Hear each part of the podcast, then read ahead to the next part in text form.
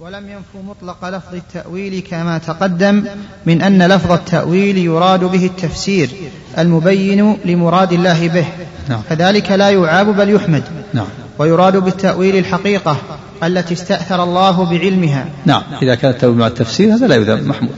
ويراد به الحقيقة كما سبق في تقسيم التأويل ثلاثة أقسام نعم.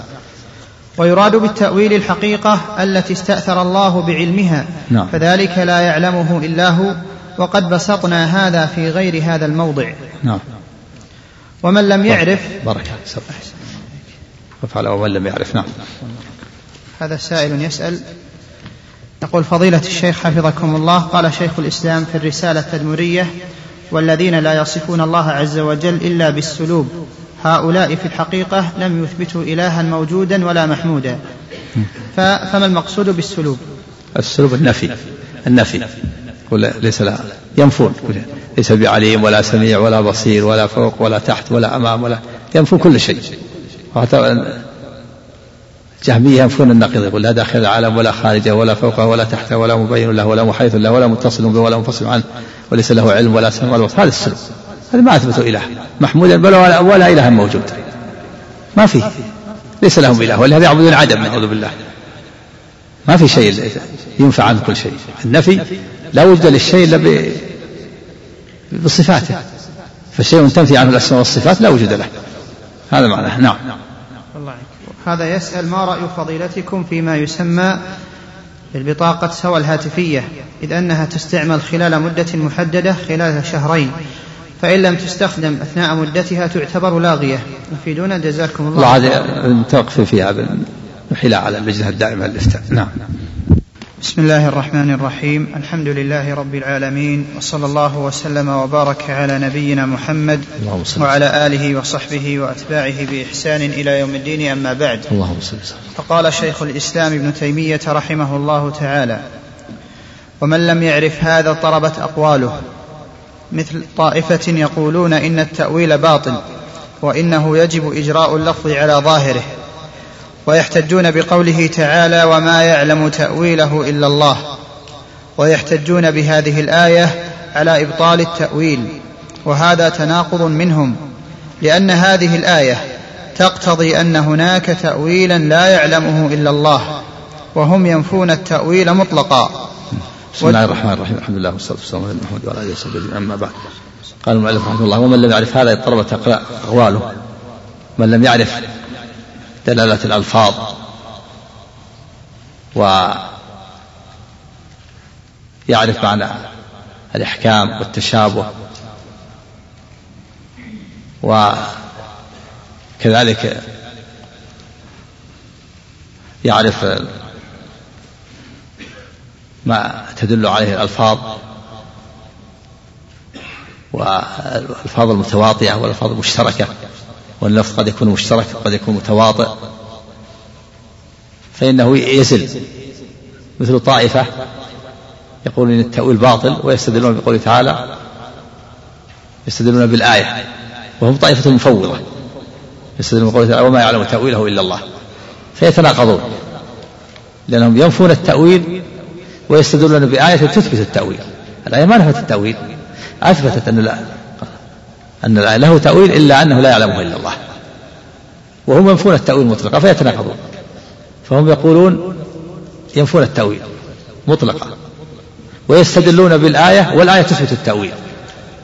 فيكون هذا تناقض منهم. كيف تنفون التأويل؟ وتثبت الآية تثبت التأويل. الآية ما تنفي التأويل إلا أنها الآية تثبت أنه أن له تأويلا إلا أنه لا يعلمه إلا الله. له تأويل لكن لا يعلمه إلا الله. نعم. ومن عاد ومن ومن لم يعرف هذا اضطربت أقواله. كطائفه يقولون إن التأويل باطل وإنه يجب إجراء اللفظ على ظاهره ويحتجون بقوله تعالى وما يعلم تأويله إلا الله ويحتجون بهذه الآية على إبطال التأويل وهذا تناقض منهم. نعم وجه التناقض أن أنهم ينفون التأويل والآية تثبت التأويل. هم يقولون لا لا تأويل ليس هناك تأويل. والآية تثبت التأويل إلا أن الآية أثبتت قال وما يعلم تأويله. إذا له تأويل لكن لا يعلمه إلا الله. فبهذا يحصل التناقض والتناقض أن يرد النفي والإثبات على شيء واحد على جهة واحدة. هذا التناقض. ويقول لا تأويل والآية تثبت التأويل. هم يقول لا تأويل والآية تثبت التأويل. إذا تناقض. يقول لا تأويل ويستدلون بآية تثبت التأويل. فيتناقضون. نعم. وهذا تناقض منهم لأن هذه الآية تقتضي أن هناك تاويلا لا يعلمه إلا الله. نعم. وهم ينفون التأويل مطلقا. وجهة الغلط أن التأويل الذي استأثر الله بعلمه هو الحقيقة التي لا يعلمها إلا هو. نعم. هذا التأويل الذي لا يعلمه إلا الله هو الحقيقة. التي استأثر الله بعلمه مثل حقيقة كنه ذات الرب حقيقة كنه الصفات. حقائق الآخرة على ما هي عليه. ما في الجنة من النعيم والماء واللبن والخمر والحور. حقائق الآخرة حقائق عذاب النار ما هي عليه. هذه كلها لا يعلمها إلا الله. وإذا باشر المؤمن ما في الجنة من النعيم عرف حقيقتها. وإذا باشر الكافر حقائق العذاب في الآخرة أدرك حقائقها. وما نكون الذات الصفة فلا يعلمها إلا الله. نعم. هذا التأويل الذي لا يعلمه إلا الله. وأما التفسير فهذا يعلمه العلماء. نعم. تفسير المعنى. المعاني هذه يعلمها العلماء. أما الحقائق حقائق الذات والصفات حقائق لا لا لا, لا يعلمها إلا الله. نعم.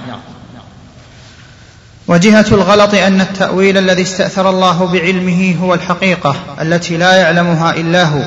وأما التأويل المذموم والباطل فهو تأويل أهل التحريف والبدع. الذين يتأولونه على غير تأويله ويدعون صرف اللفظ عن مدلوله إلى غير مدلوله بغير دليل يوجب ذلك. نعم. هذا تأويل أهل البدع تأويل تأويل أهل أهل البدع تأويل الباطل التحريف معنى التحريف. نعم. ويدعون أن في ظاهره من المحذور ما هو نظير المحذور اللازم فيما أثبتوه بالعقل. نعم. يعني هؤلاء يفرون يؤولون فيقعون في مثل ما فروا منه. فمثلا الأشاعرة ينفون المحبة والرضا وأن الله لا يحب. لأن المحبة كون الإنسان يميل يميل المحبة هي الميل. والميل يقول من صفات المخلوق ولا يليق بالخالق. فلهذا نفوا المحبة. قالوا معنى المحبة الإرادة. لأنها من الصفات السبع التي يثبتونها. الصفات يثبتون سبع صفات الحياة والكلام والبصر والسمع والعلم والإرادة. فيردون الصفات التي ينفونها مثل الرضا والمحبة إلى الإرادة. نقول لهم الإرادة فيها ميل. ما معنى الإرادة؟ ميل المريد إلى المراد. فأنتم فررتم من المحبة تقول فيها ميل ووقعتم في مثل ما فررتم. منه وقعتم في نفس المحذور. ولا مخلص لكم إلا أن تثبتوا لله إرادة لا تشابه إرادة المخلوق. فتثبتوا لله محبة لا تشابه المخلوق. لا تشابه محبة المخلوق. هذا هو المخلص. اثبتوا المحبة والإرادة والرضا وانفوا مشابهة مماثلة المخلوقين أما أن تقول الإرادة المحبة ننفيها لأنها ميل ونفسر بالإرادة والإرادة فيها ميل أيضا. وقعتم فيه فيما فررتم هذا ما قال المؤلف أنهم يتأولون ويقعون في مثل ما فروا منه. أعاد العبارة. الله قال وأما التأويل المذموم والباطل فهو تأويل أهل التحريف والبدع الذين يتأولونه على غير تأويله ويدعون صرف اللفظ عن مدلوله إلى غير مدلوله بغير دليل يوجب ذلك ويدعون أن في ظاهره من المحذور ما هو نظير المحذور اللازم فيما أثبتوه بالعقل. الذي فروا منه. فالمحذور الذي في المحبة وقعوا فيه في, في لما أولوها بالإرادة. نفس المحذور هو هو. نعم. ويصرفونه إلى معان هي نظير المعاني التي نفوها عنه. نعم. فيكون ما نفوه من جنس ما أثبتوه. نعم. يكون ما نفوه من المحبة والرضا من جنس ما أثبتوه من الإرادة. نعم. فإن كان الثابت حقا ممكنا كان المنفي مثله. إن كان الثابت والإرادة حقا كان المنفي والمحبة مثله حق. وإن كان المنفي باطلا وهو المحبة كان الإرادة باطلة. لا فرق بين هذا وهذا. كلها صفات. وكلها فيها ميل بالنسبة للمخلوق. نعم. فإن كان الثابت حقا ممكنا كان المنفي مثله وإن كان المنفي باطلا ممتنعا كان الثابت مثله. نعم. وهؤلاء الذين ينفون التأويل مطلقا ويحتجون بقوله تعالى وما يعلم تأويله إلا الله قد يظنون أنا خطبنا في القرآن بما لا يفهمه أحد أو بما لا معنى له. أو بما لا يفهم منه شيء. يمكن هذا ظنون باطلة يظنون أن أن خطبنا بما بما لا نفهمه أو بما لا يفهمه أحد أو بما لا تفهم علته. كلها ظنون باطلة هذه. قد يظنون. قد يظنون أن خطبنا في القرآن بما لا يفهمه أحد أو بما لا معنى له أو بما لا يفهم منه شيء وهذا مع أنه باطل فهو متناقض. نعم لأنه مفوضة. يظنون خطبنا بما لا يفهم أحد أو لا يفهمه إلا الله لأنهم مفوضون المعنى هم والمعنى لا يعلمه إلا الله. وهذا باطل المعاني معروفة. كما قال الإمام مالك رحمه الله الاستواء معلوم والكيف مجهول. فالمفوضة يفوضون المعنى وهذا من أبطل الباطل. نعم. وهذا مع أنه باطل فهو متناقض لأن إذا لم نفهم منه شيئا لم يجز لنا أن نقول له تأويل يخالف الظاهر ولا يوافقه. صحيح. مع أنه باطل متناقض. إذا كان ما نفهم المعنى كيف نقول له تأويل يخالف الظاهر ويوافق الظاهر؟ ما أنت الآن حكمت على نفسك بالجهل أنك ما تعلم. فكيف تقول له تأويل أو ليس له تأويل؟ لا تقول تأويل لا تقول له تأويل ولا تقول ليس تأويل. لأنك حكمت على نفسك بأنك لا تعلم. فكيف تقول له تأويل يخالف الظاهر أو تأويل يوافق الظاهر؟ نعم. فهذا مع كونه باطل في متناقض. كلامه هذا باطل متناقض. نعم. الله عنك. لأن إذا لم نفهم منه شيئا لم يجز لنا أن نقول له تأويل يخالف الظاهر ولا يوافقه لإمكان أن يكون له معنى صحيح. نعم. وذلك المعنى الصحيح لا يخالف الظاهر المعلوم لنا. نعم. فلا تقول له تأويل أو ليس له تأويل. لإمكان أن يكون له معنى صحيح يوافق الظاهر. يمكن هذا. أنت حكمت على نفسك بأنك لا تعلم فكيف تنفي؟ تنفي التأويل. فليس لك أن تنفي التأويل الذي يوافق الظاهر ولا الذي يخالف الظاهر. نعم. لإمكان له تأويل يوافق الظاهر. كل إمكان يكون له تأويل صحيح. نعم. فإنه لا ظاهر له على قولهم إيه. فلا تكون دلالته على ذلك المعنى دلالة على خلاف الظاهر. نعم لأنهم ما في ظاهر عندهم. هم يقول ما في تأويل. إذا ما في ظاهر لا في ظاهر ولا غير ظاهر. حكموا على فكيف يقال إنه يخالف الظاهر أو يوافق الظاهر؟ وهم حكموا على أنفسهم بأنهم لا يعلمون المعنى وأنه وأنه ليس له تأويل. نعم. فلا يكون تأويلا. نعم. ولا يجوز نفي دلالته على معان لا نعرفها على هذا التقدير. نعم. فإن تلك المعاني التي دل عليها قد لا نكون عارفين بها. نعم. ولأن إذا لم نفهم اللفظ ومدلوله فلأن لا نعرف المعاني التي لم يدل عليها اللفظ أولى نعم إذا كنا لا نفهم اللفظ ودلالة اللفظ فعدم فهمنا لما لم يدل على اللفظ أولى وأولى باب أولى أبعد إذا كنت لا تعرف اللفظ وما يدل عليه فكونك لا تعرف ما لا يدل عليه اللفظ باب أولى نعم. ولأن إذا لم نفهم اللفظ ومدلوله فلئلا نعرف المعاني التي لم يدل عليها اللفظ أولى نعم. لأن إشعار اللفظ بما يراد به أقوى من إشعاره بما لا يراد به. نعم إذا لم تعرف اللفظ وما يدل عليه من المعنى فكونك لا تعرف المعنى الذي لا يدل عليه اللفظ أبعد وأبعد. لأن إشعار اللفظ بالمعنى الذي يدل عليه أقوى من إشعاره بمعنى لا يدل عليه. نعم.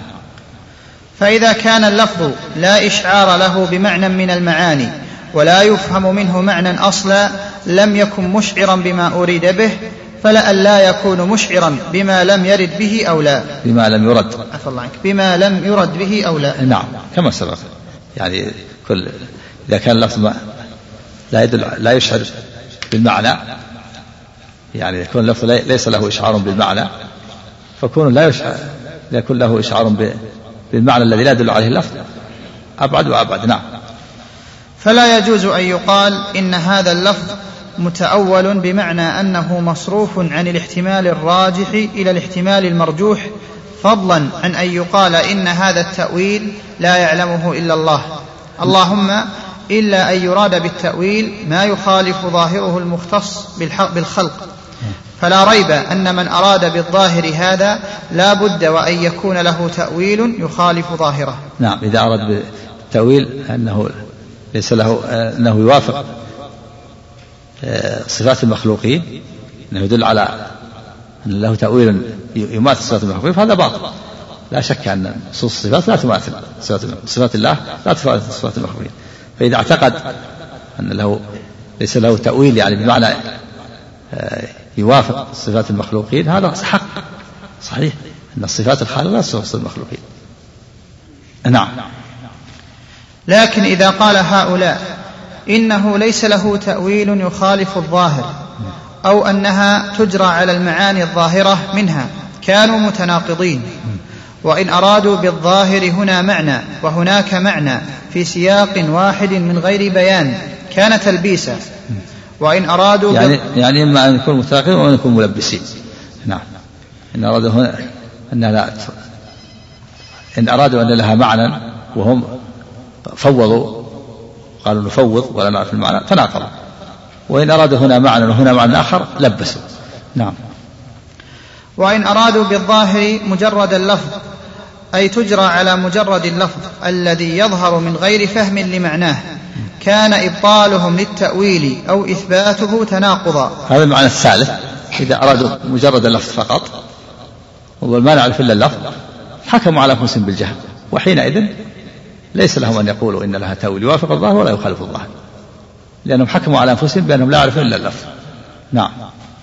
لأن من أثبت تأويلا أو نفاه فقد فهم معنى من المعاني. نعم. وهم يقولون لا نفهم إلا اللفظ. ما نعرف إلا اللفظ ولا نفهم معنى المعنى فكيف يثبتون معنى؟ وهم حكموا على أنفسهم بأنهم لا يعرفون إلا مجرد اللفظ. نعم. وبهذا التقسيم يتبين تناقض كثير من الناس من نفاة الصفات من, نفا من نفاة الصفات ومثبتيها في هذا الباب. نعم مثل ما حصل للأشاعرة تناقضهم كونهم يثبتون ينفون المحبة ويثبتون الإرادة. والدعوة واحدة. قول الميل نعم. القاعدة السادسة. نعم سم. هذا السائل عفى الله عنك يقول أحسن الله إليك الذي يذهب إلى معلم القرآن ليعينه على حفظ القرآن هل هو داخل في التعليم فيعطى أجرا إذا كان إيش الذي يذهب إيه؟ الذي يذهب إلى معلم القرآن ليعينه على حفظ القرآن. هل هو داخل في التعليم فيعطى أجرا إذا كان يعلمه ويحفظه ويدرسه نعم. نعم. نعم. الأمين صلى الله وسلم وبارك على نبينا محمد وعلى آله وصحبه وأتباعه بإحسان إلى يوم الدين أما بعد. اللهم فقال شيخ الإسلام ابن تيمية رحمه الله تعالى القاعدة السادسة. أن لقائل أن يقول لا بد في هذا الباب من ضابط يعرف به ما يجوز على الله مما لا يجوز في النفي والإثبات. إذ الاعتماد في هذا الباب على مجرد نفي التشبيه أو مطلق الإثبات من غير تشبيه ليس بسديد. وذلك أنه ما من شيئين إلا بينهما إذ الاعتماد عفى الله عنك. إذ الاعتماد في هذا الباب على مجرد نفي التشبيه أو مطلق الإثبات من غير تشبيه ليس بسديد. نعم. وذلك أنه ما من شيئين إلا بينهما قدر مشترك وقدر مميز. فالنافي إن اعتمد فيما ينفيه على أن هذا تشبيه قيل له إن أردت أنه مماثل له من كل وجه فهذا باطل. وإن أردت أنه مشابه له من وجه دون وجه أو مشارك مشارك له في الاسم لزمك هذا في سائر ما تثبته.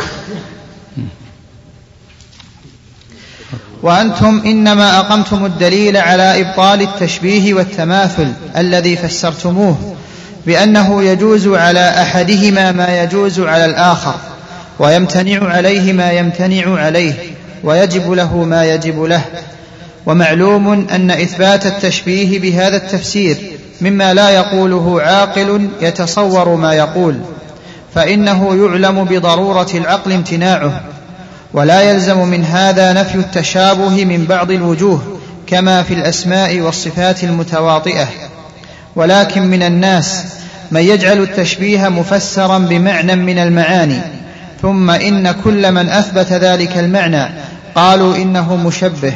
ومنازعهم يقول ذلك المعنى ليس من التشبيه. وقد يفرق بين لفظ التشبيه والتمثيل الحمد لله والصلاة والسلام على نبينا وعلى آله وصحبه قال الشيخ الإسلام ابن رحمه الله القاعدة السادسة هذه قاعدة مهمة ينبغي الانتباه والقاء السمع. وقد لا يتبين لطالب العلم وقد يشكل عليه وهي قاعدة مهمة عظيمة. القاعدة السادسة في بيان القواعد التي يتحقق بها الإثبات للأسماء والصفات. عنوان هذه القاعدة الضابط في النفي والإثبات. الضابط فيما يثبت لله. الضابط فيما يجوز على الله نفيا مما لا يجوز عليه نفيا وإثباتا. في بيان القاعدة السادسة بيان في بيان الضابط في فيما يجوز على الله مما لا يجوز عليه نفيا وإثباتا. فالضابط في باب النفي أن ينفى عن الله. الضابط في باب النفي أن ينفى عن الله. مماثلة المخلوقات. ينفى عن الله العيوب وينفى عن الله النقائص وينفى عن الله مماثلة المخلوقات. الاعتماد في باب النفي على نفي العيوب وعلى نفي النقائص وعلى نفي مماثلة المخلوقات لا على مجرد نفي التشبيه. لا يعتمد على مجرد التشبيه في باب النفي ما يقول أنا أعتمد على أن أثبت أنا أنفي التشبيه عن الله قل ليس له شبيه. ما يكفي هذا؟ رحمك الله. لكن يعتمد على نفي العيوب وعلى نفي النقائص وعلى نفي المماثلة لا على مجرد التشبيه. والضابط في باب الإثبات الاعتماد على إثبات صفات الكمال رحمك الله مع نفي مماثلة غيره له لا على مطلق الإثبات. من غير تشبيه. هذه هي القاعدة ولها شرح. القاعدة وهي الضابط. الضابط فيما يجوز على الله مما لا يجوز عليه نفيا وإثباتا. الضابط فيما يجوز على الله مما لا يجوز عليه نفيا وإثباتا. الضابط فيما ينفى عن الله أن ينفى عن الله العيوب. مثل العمى. والخرس والصمم والبكم والموت وغير ذلك والأكل والشرب والنقائص. وينفع لها النقائص مثل العجز هذا نقص في القدرة.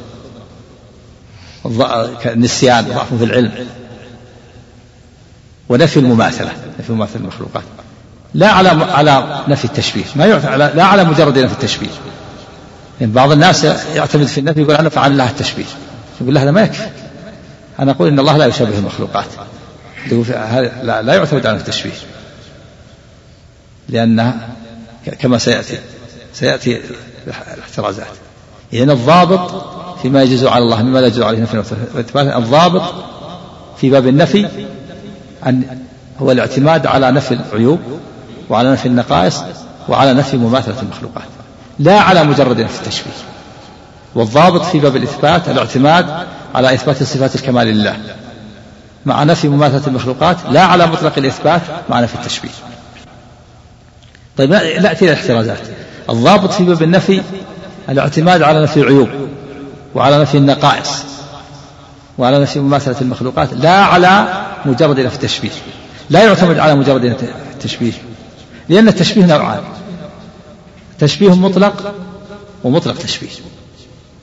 تشبيه نوعان. لو اعتمد لو كان الاعتماد على مجرد في التشبيه يقول ما مرادك في التشبيه؟ إذا قلت أنا أقول إن الله لا يشبه المخلوقات. يكفين هذا باب النفي نقول ما مرادك؟ التشبيه نوعان. هل تريد التشبيه المطلق ولا تريد مطلق التشبيه؟ قال إذا قال أنا أريد التشبيه المطلق. التشبيه المطلق يعني من جميع الوجوه. أنا أقول المخلوق أو الخالق المخلوق لا يشابه الخالق من جميع الوجوه. الوجوه ثلاثة فيما يجوز فيما يجب ويجوز ويمتنع. الذي يجب لله دوام البقاء. دوام البقاء؟ هذا يجب لله دوام البقاء وواجب الوجود لذاته دوام البقاء. هل يقول أحد إن المخلوق يشارك المخلوق في فيما يجب لله في دوام البقاء وفي وجوده بنفسه؟ ما أحد قال هذا. وفيما يمتنع على الله يمتنع على الله النوم والموت. والعجز والأكل والشرب. هل يقول أحد أن المخلوق يشارك في الخالق فيما تمتنع عليه هذه الأشياء؟ وفيما يجوز يجوز على الله الخلق والرزق والإماتة والإحياء. هل يقول أحد أن المخلوق يشارك الخالق في فيما يجوز عليه؟ هذا هو التشبيه المطلق. التشبيه المطلق هو التشبيه من جميع الوجوه. فإذا قال أنا أنا أنفي التشبيه فأقول إن المخلوق لا يشابه الخالق تشبيها مطلقا من جميع الوجوه فيما يجب ويجوز ويمتنع نقول هذا لغو من القول. ما حد قال بهذا؟ كيف تنفي شيئا تنفي شيئا لا يمكن أن يكون؟ لا يمكن أن يشابه المخلوق الخالق في فيما يجب وفيما يجوز فيما يمتنع ولأنه لو شابهه في هذا لكان الخالق مخلوقا والمخلوق خالقا. وهذا مستحيل. إذا هذا نفي من القول لغو من القول. فإذا قال أنا أريد مطلق التشبيه مطلق التشبيه يعني المشابهة للمخلوق من وجه دون وجه. من وجه دون وجه.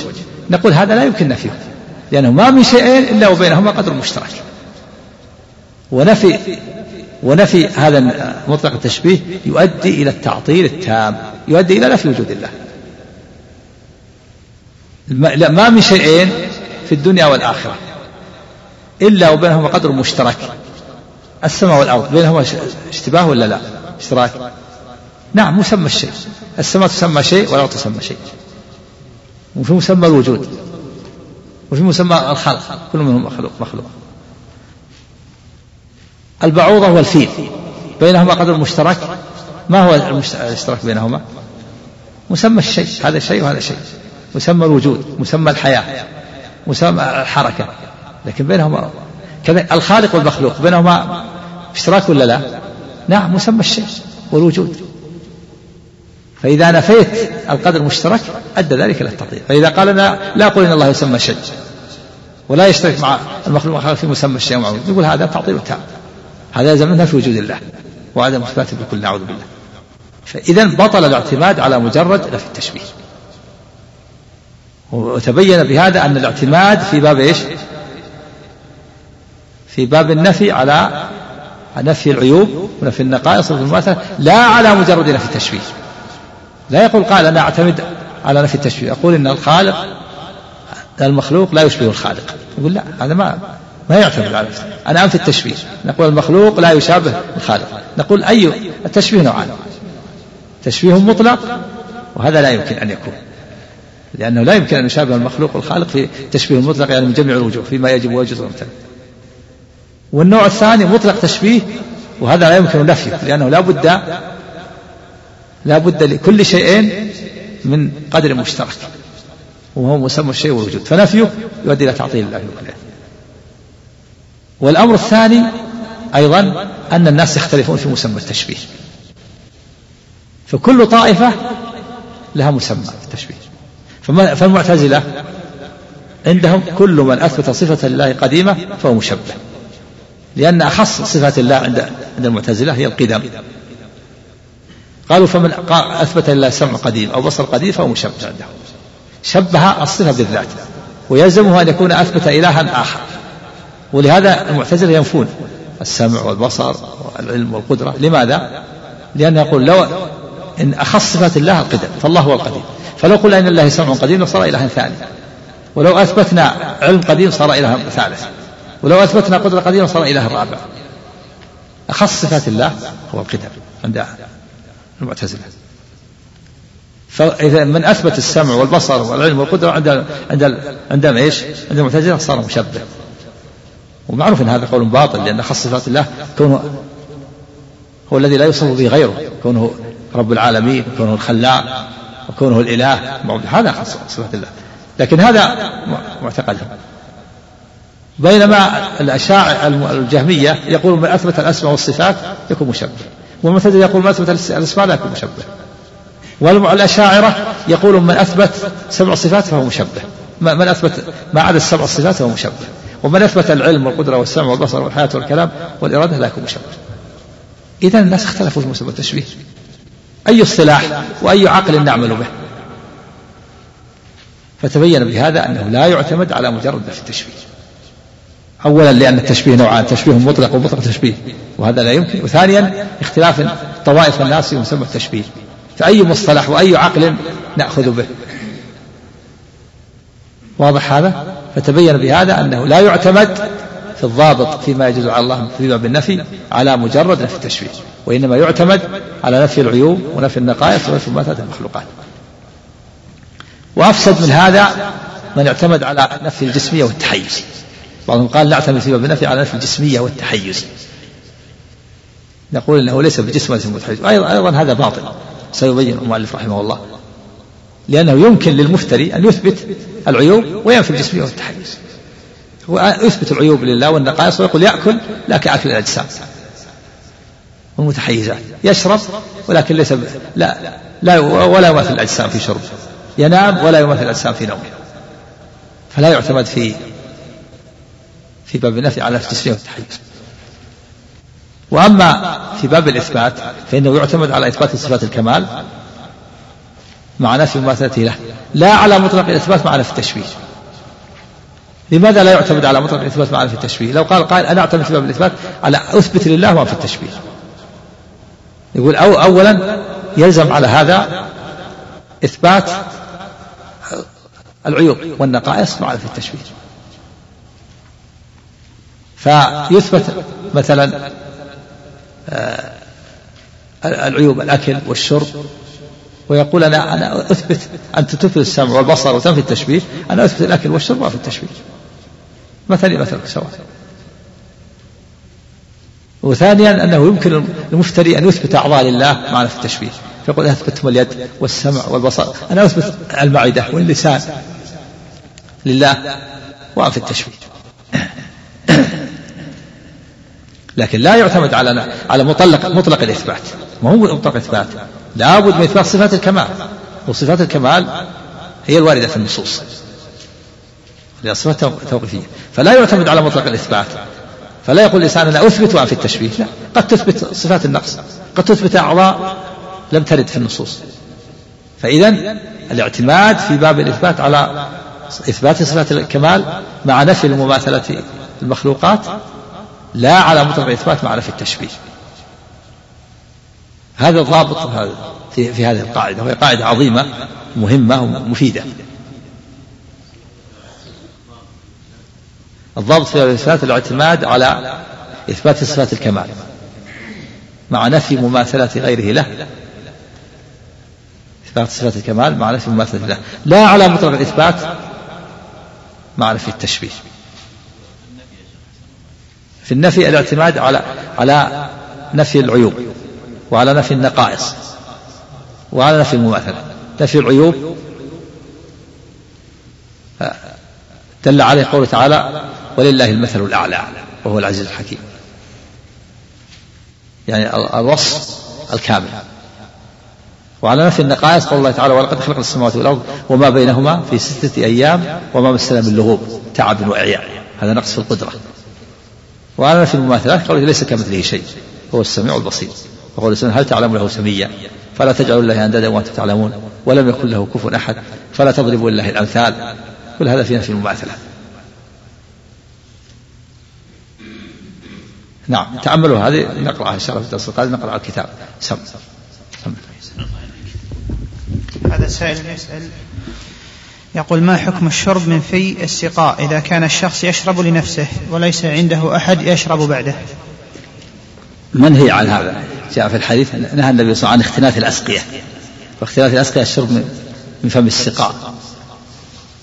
قال العلماء والحكمة في هذا أنه أولا آه، يقدره على غيره.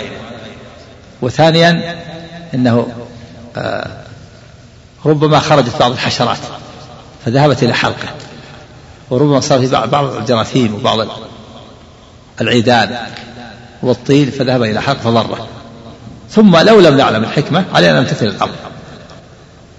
ثبت النبي صلى الله عليه وسلم شرب من فم السقاء هذا من خصائصه. فقطعتها بعض بعض أزواجه للتبرك بها. هذا خاص به عليه الصلاة والسلام. نعم. وسأل عفى الله عنك عن حكم الأذان والشخص جنب لا بأس. لأن النبي كان يذكر الله على كل أحيانه لكن الباقي دخول المسجد. إذا كان يؤذن خارج المسجد فلا إشكال. أما إذا كان داخل المسجد قد يقال أنها دخوله الأذان وقت قصير أنه مثل المرور. الله تعالى يقول ولا جنوبا إلا عابر سبيل. نهى الجنوب أن تدخل المسجد إلا عابر سبيل. فهل يقال إن الأذان الآن مثل مثل المرور؟ كانه عابر سبيل لأنه وقت قصير. أو يقال إنه مكث. فإن قيل إنه مكث نقول لا لا يجوز له حتى يغتسل لأنها مكث ليس له أن يمكث في المسجد. وإن قيل إنه يقاس على على العبور كأنه عابر فلا بأس به. وإذا كان الأذان خارج المسجد فلا بأس يؤذن لأن الله كان لأن النبي صلى الله عليه وسلم كان يذكر الله على جميع على كل أحيانه. نعم. ويسأل عن صلاة النساء في البيوت عن حكمها. حكمها؟ إيه؟ هذا هو هو هو الأفضل. أو بيوتهن خير لهن. صلاتها في البيت هو الأفضل أفضل من صلاتها في في المسجد الحرام أو في المسجد النبوي. يقول النبي لا تمنعوا الله مساجد الله وبيوتهن خير لهم نعم. إيه؟ ما في شيء. لا, لا حرج. يديرها عن الثلبة حتى لا تجرحها. نعم نعم. بسم الله الرحمن الرحيم. الحمد لله رب العالمين. وصلى الله وسلم وبارك على نبينا محمد وعلى آله وصحبه وأتباعه بإحسان إلى يوم الدين أما بعد.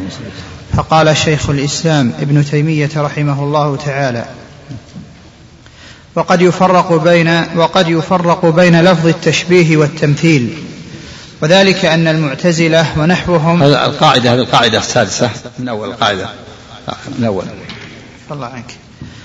القاعدة السادسة أن لقائل أن يقول لا بد في هذا الباب من ضابط يعرف به ما يجوز على الله مما لا يجوز في النفي والإثبات. نعم هذه القاعدة السادسة وهي مهمة.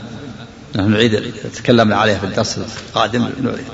نعيد لأهميتها لأن يعني القاعدة هذه مهمة. من من أهم المهمات في في باب الاعتقاد. لأن هذه القاعدة السادسة في الضابط في باب الأسماء والصفات فيما يجوز على الله مما لا يجوز عليه نفيا وإثباتا. في بيان إذا القاعدة السادسة هذه في بيان الضابط في باب الأسماء والصفات فيما يجوز على الله مما لا يجوز عليه في باب الأسماء والصفات نفيا وإثباتا. ضابط في باب النفي وضابط في باب الإثبات. إذا هذه القاعدة في بيان الضابط في بيان الضابط فيما يجوز على الله مما يجوز عليه نفيا وإثباتا في باب الأسماء والصفات. الضابط في باب الأسماء والصفات. فيما يجوز على الله وفيما لا يجوز على الله. في النفي وفي الإثبات. في النفي الضابط أن يعتمد على نفي النقائص وعلى نفي العيوب وعلى نفي مماثلة الله للمخلوقات. لا على مطلق نفي التشبيه. لا يعتمد على مطلق نفي التشبيه. إذا الضابط هذا. الضابط في باب النفي الاعتماد على نفي النقاء نفي العيوب وعلى نفي النقائص وعلى نفي مماثلة الله للمخلوقات. لا على نفي التشبيه. فإن بعض أهل البدع اعتمد على نفي التشبيه ولا على نفي الجسمية والتحيز. والضابط في باب الإثبات الاعتماد على إثبات صفات الكمال لله مع نفي مماثلته مماثلة غيره له لا على مطلق الإثبات مع نفي التشبيه. الاعتماد في باب النفي على نفي العيوب مثل العماء والصماء والصمم والبكم والخرس. تنفع عن الله. قال الله تعالى ولله المثل الأعلى يعني الوصف الكامل. وعلى نفي النقائص مثل النقائص القدرة يلحقها العجز. نقص العلم ونقص العجز. النقص في السمع ونقص البصر ما في علم قال الله تعالى ولقد خلق السماوات والأرض وما بينهما في ستة أيام وما مسنا باللغوب وعلى نفي مماثلة المخلوقات. فالله تعالى لا يماثل أحد من خلقه ولا يماثل أحد من خلقه. دليل ذلك قول الله تعالى ليس كمثله شيء هو السميع البصير. إذا هذا هو الاعتماد في باب على نفي العيوب وعلى نفي النقائص وعلى نفي مماثلة الله المخلوقات. ولا يعتمد على مطلق على على مجرد نفي التشبيه. أهل, البدع قالوا يعتمد على مجرد نفي التشبيه. في باب النفي نقول نفي التشبيه هذا نقول ليس له شبيه. نقول هذا ما يعتمد عليه. ما يعتمد على نفي التشبيه. لماذا؟ لأمرين. الأمر الأول أن أن التشابه نوعان. تشابه مطلق ومطلق تشابه. فالتشابه المطلق ما تريدون بالتشبيه. حينما تقول نعتمد على نفي التشبيه. ما مراد بالتشبيه. التشبيه نوعان. تشابه مطلق ومطلق تشبيه. تشابه. فالتشابه المطلق يعني هو الذي يكون من جميع الوجوه. إذا قال قائل أنا أعتمد على نفس التشبيه يقول إن الله المخلوق لا يشابه الخالق تشابها مطلقا يعني من جميع الوجوه. جميع الوجوه يعني فيما يجب ويجوز ويمتنع. نقول هذا لم يقل به أحد. هل أحد قال إن إن الله يشابه إن المخلوق يشابه الخالق في فيما يجب؟ فيما يجب له من وجوب البقاء والدوام وكونه واجب الوجود لذاته ما حد قال هذا. وفيما يجوز الذي يجوز على الله الخلق والرزق والإماتة والإحياء. هل قال أحد أن المخلوق يشابه الخالق؟ وفيما يمتنع عليه يمتنع على الله الموت و... والعمى والصم والبكم هل يمتنع على المخلوق؟ ما حد قال هذا. إذا كيف تعتمد على على التشابه المطلق ولم يقل به أحد؟ ما حد قال بالتشابه المطلق. التشابه المطلق هو تشابه من جميع الوجوه. فإذا قال, قال أنا أقول إن المخلوق لا يشابه الخالق تشابها مطلقا من جميع الوجوه. ما حد قال بهذا. هذا لغو من القول ما حد قال إن إن المخلوق يشابه الخالق فيما يجب وفيما يجوز وفيما يمتنع من جميع الوجوه. فإذا يكون نفيك هذا لغو من القول. لأن ولا, ولا يمكن أن يقال هذا. لأنه لو شابه المخلوق الخالق فيما يجب ويجوز ويمتنع لصار خالقا آخر. لصار الخالق هو المخلوق والمخلوق هو الخالق. طيب فإذا قال أنا أريد النوع الثاني مطلق التشابه. مطلق التشابه هو مشابهة الشيء للشيء من وجه دون وجه. فإذا قال أنا أريد من أنفي التشابه مطلق التشابه. فقول الخالق المخلوق لا يشبه الخالق أو الخالق لا يشبه المخلوق بوجه من وجوه الشبه. يقول هذا لا يمكن نفيه أبدا. لا بد أن يكون هناك تشابه. لا بد أن تثبت نوع من التشابه. وهي التشابه في مسمى الشيء مسمى الوجود. وهذا في الذهن. فالخالق موجود والمخلوق موجود. والخالق شيء والمخلوق شيء. قل أي شيء شيء قل له شيء. فإذا نفيت هذا قلت إن المخلوق لا يشابه بوجه من وجوه الشبه وصلت إلى التعطيل التام. من قال هذا فقد أنكر وجود الله. وصل إلى التعطيل التام. فلا يمكن أن أن ينفى هذا. الأول لا يمكن إثباته والثاني لا يمكن نفيه. هذا الأمر الأول. الأمر الثاني أن الناس يختلفون في في في مسمى التشبيه. وكل طائفة لها اصطلاح. في مسمى التشبيه.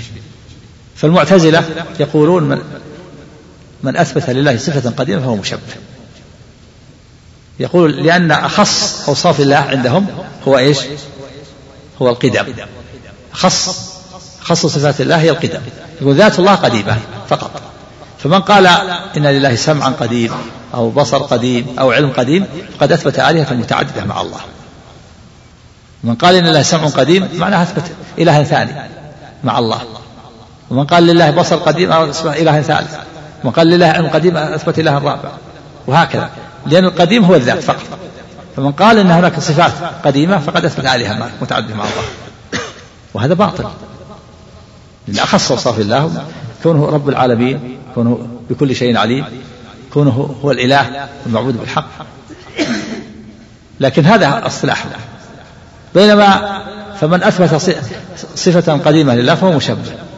بينما الأشاعرة يقول ليس بمشبه ليثبت السمع والبصر والعلم صفات السمع لكن من أثبت العلو والنزول فهو مشبه. والمعتزلة يقولون من أثبت الصفات فهو مشبه ومن أثبت الأسماء فليس مشبه. إذا نعتمد على من؟ فلا يعتمد على مجرد في التشبيه. فتبين بهذا أن الاعتماد في على مجرد التشبيه غير ما يصح ضابط إنما الضابط في باب النفي الاعتماد على نفي العيوب وعلى نفي النقائص وعلى نفي مماثلة الله لخلقه ولا يعتمد على نفي التشابه على نفي التشبيه. وأفسد منه من يعتمد في باب النفي على نفي الجسمية والتحيز. هذا أفسد. أفسد من, من الاعتماد على التشابه. بعض أهل البدع يقول أنا إذا أردت أن ننزه الله عن القياس والمخلوق أقول ليس بجسم وليس بمتحيز نقول هذا باطل. أولا أن الجسم والتحيز هذا لفظ محدث. لم يرد في الكتاب ولا في السنة. لا نفي ولا إثبات لما فيه من الإجمال والاشتراك. وثانيا أن الاعتماد في نفي النقاص والعيوب على نفي الجسم والتحيز هذا لا يمكن لأن لأن العيوب والنقائص أظهر فسادا في العقل والدين من نفي التحيز والجسمية. تجد فإذا تجد الذي يعتمد على هذا يقول أنا أنفي مثلا العيوب عن الله لئلا يكون جسما. وإن الله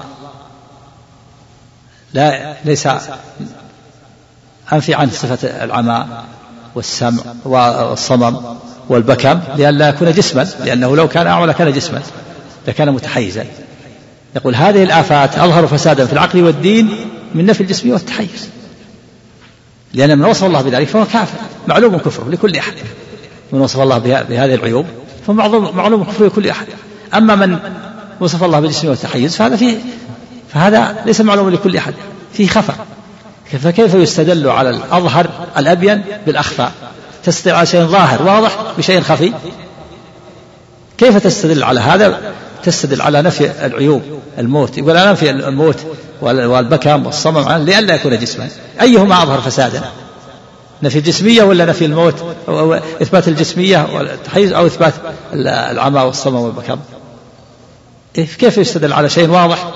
واضح كفره واضح. من وصف الله بهذا كفره واضح. بخلاف من وصف الله بالجسمية والتحيز فهذا فيه اشتباه. ليس كل أحد يعلم هذا. فكيف يستدل بالأظهر على الأظهر الأبين بالأخفى وثانيا إنه أنه يعني المفتري يلزمه يمكن أن ينفي النقائص والعيوب عن الله. يثبت النقائص والعيوب عن الله لله وينفي الجسمية والتحيز. ويقول أنا أقول إن الله يأكل لكن لا كأكل الأجسام. ويشرب لا كشرب الأجسام. ويكون من أثبت الصفات لله ونفى الجسمية والتحيز مثل من أثبت العيوب ونفى الجسمية والتحيز. ويكون الرد عليهم ردا واحدا فمن قال إن الله يأكل ويشرب ولكنه ليس كالأجسام مثل من قال من مثل أثبت الصفات لله ونفى الجسمية والتحيز. ويكون الرد عليه ردا واحدا ورابعا أن أن ثبوت صفات الكمال. ثابتة بالله عقلا وسمعا. فكيف تثبت بهذه الطريقة؟ وخامسا أن من سلك هذه الطريقة فهو متناقض.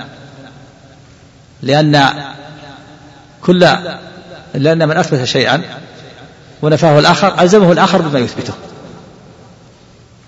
فإذا أثبت الأشعري إذا أثبت السمع والبصر صفات السبع الحياة والكلام والبصر والسمع والبصر.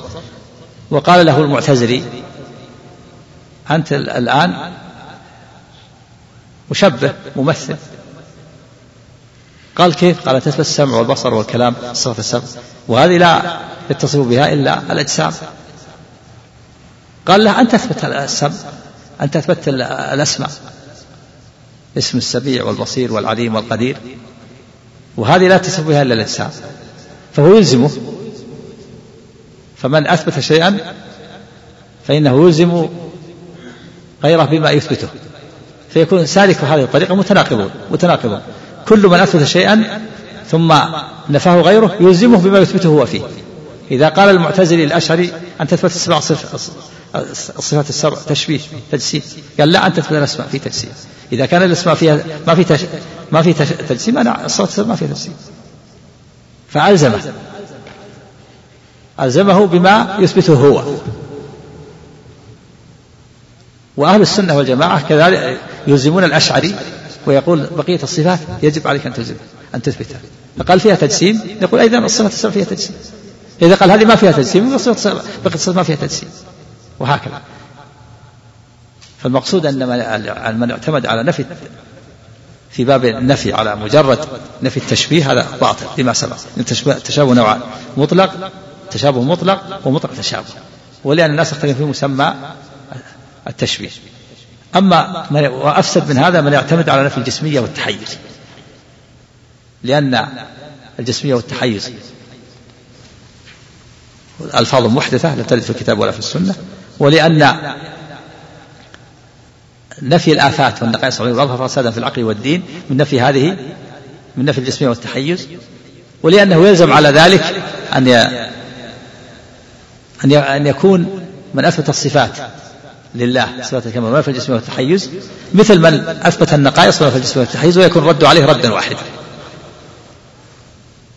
ولما فيه من التناقض بين سالك هذه الطريقة. فكل من أثبت شيئا ونفاه الآخر ألزمه هو بما يثبته هو. كما كما سبق في إلزام لما اعترض المعتزلة على الأشاعرة في إثبات السبع الصفات ألزموهم بما يثبتونه هم من الأسماء. فسكت. لما قالوا أنت تثبت الأسماء ولا فيها جسم قالوا اسكتوا عنا ولا اسكت عنكم. وإلا يكون إثباتكم الأسماء باطل وإثبات السبع باطل. فهم متناقضون أما الاعتماد في باب الإثبات قلنا الاعتماد في باب الإثبات على إثبات صفات الكمال لله مع نفي مماثلته له لا على مطلق الإثبات مع نفي التشبيه.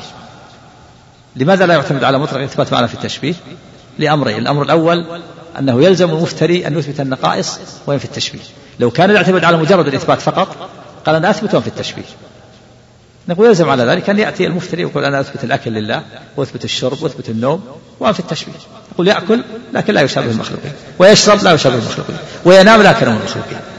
هو الاعتماد على على الإثبات فقط. وكذلك الأمر الثاني أنه يلزم المفتري أن يثبت أعضاء لله. يقول أنت تثبت لله يد وسمع ورجل. مثلا أثبت النصوص.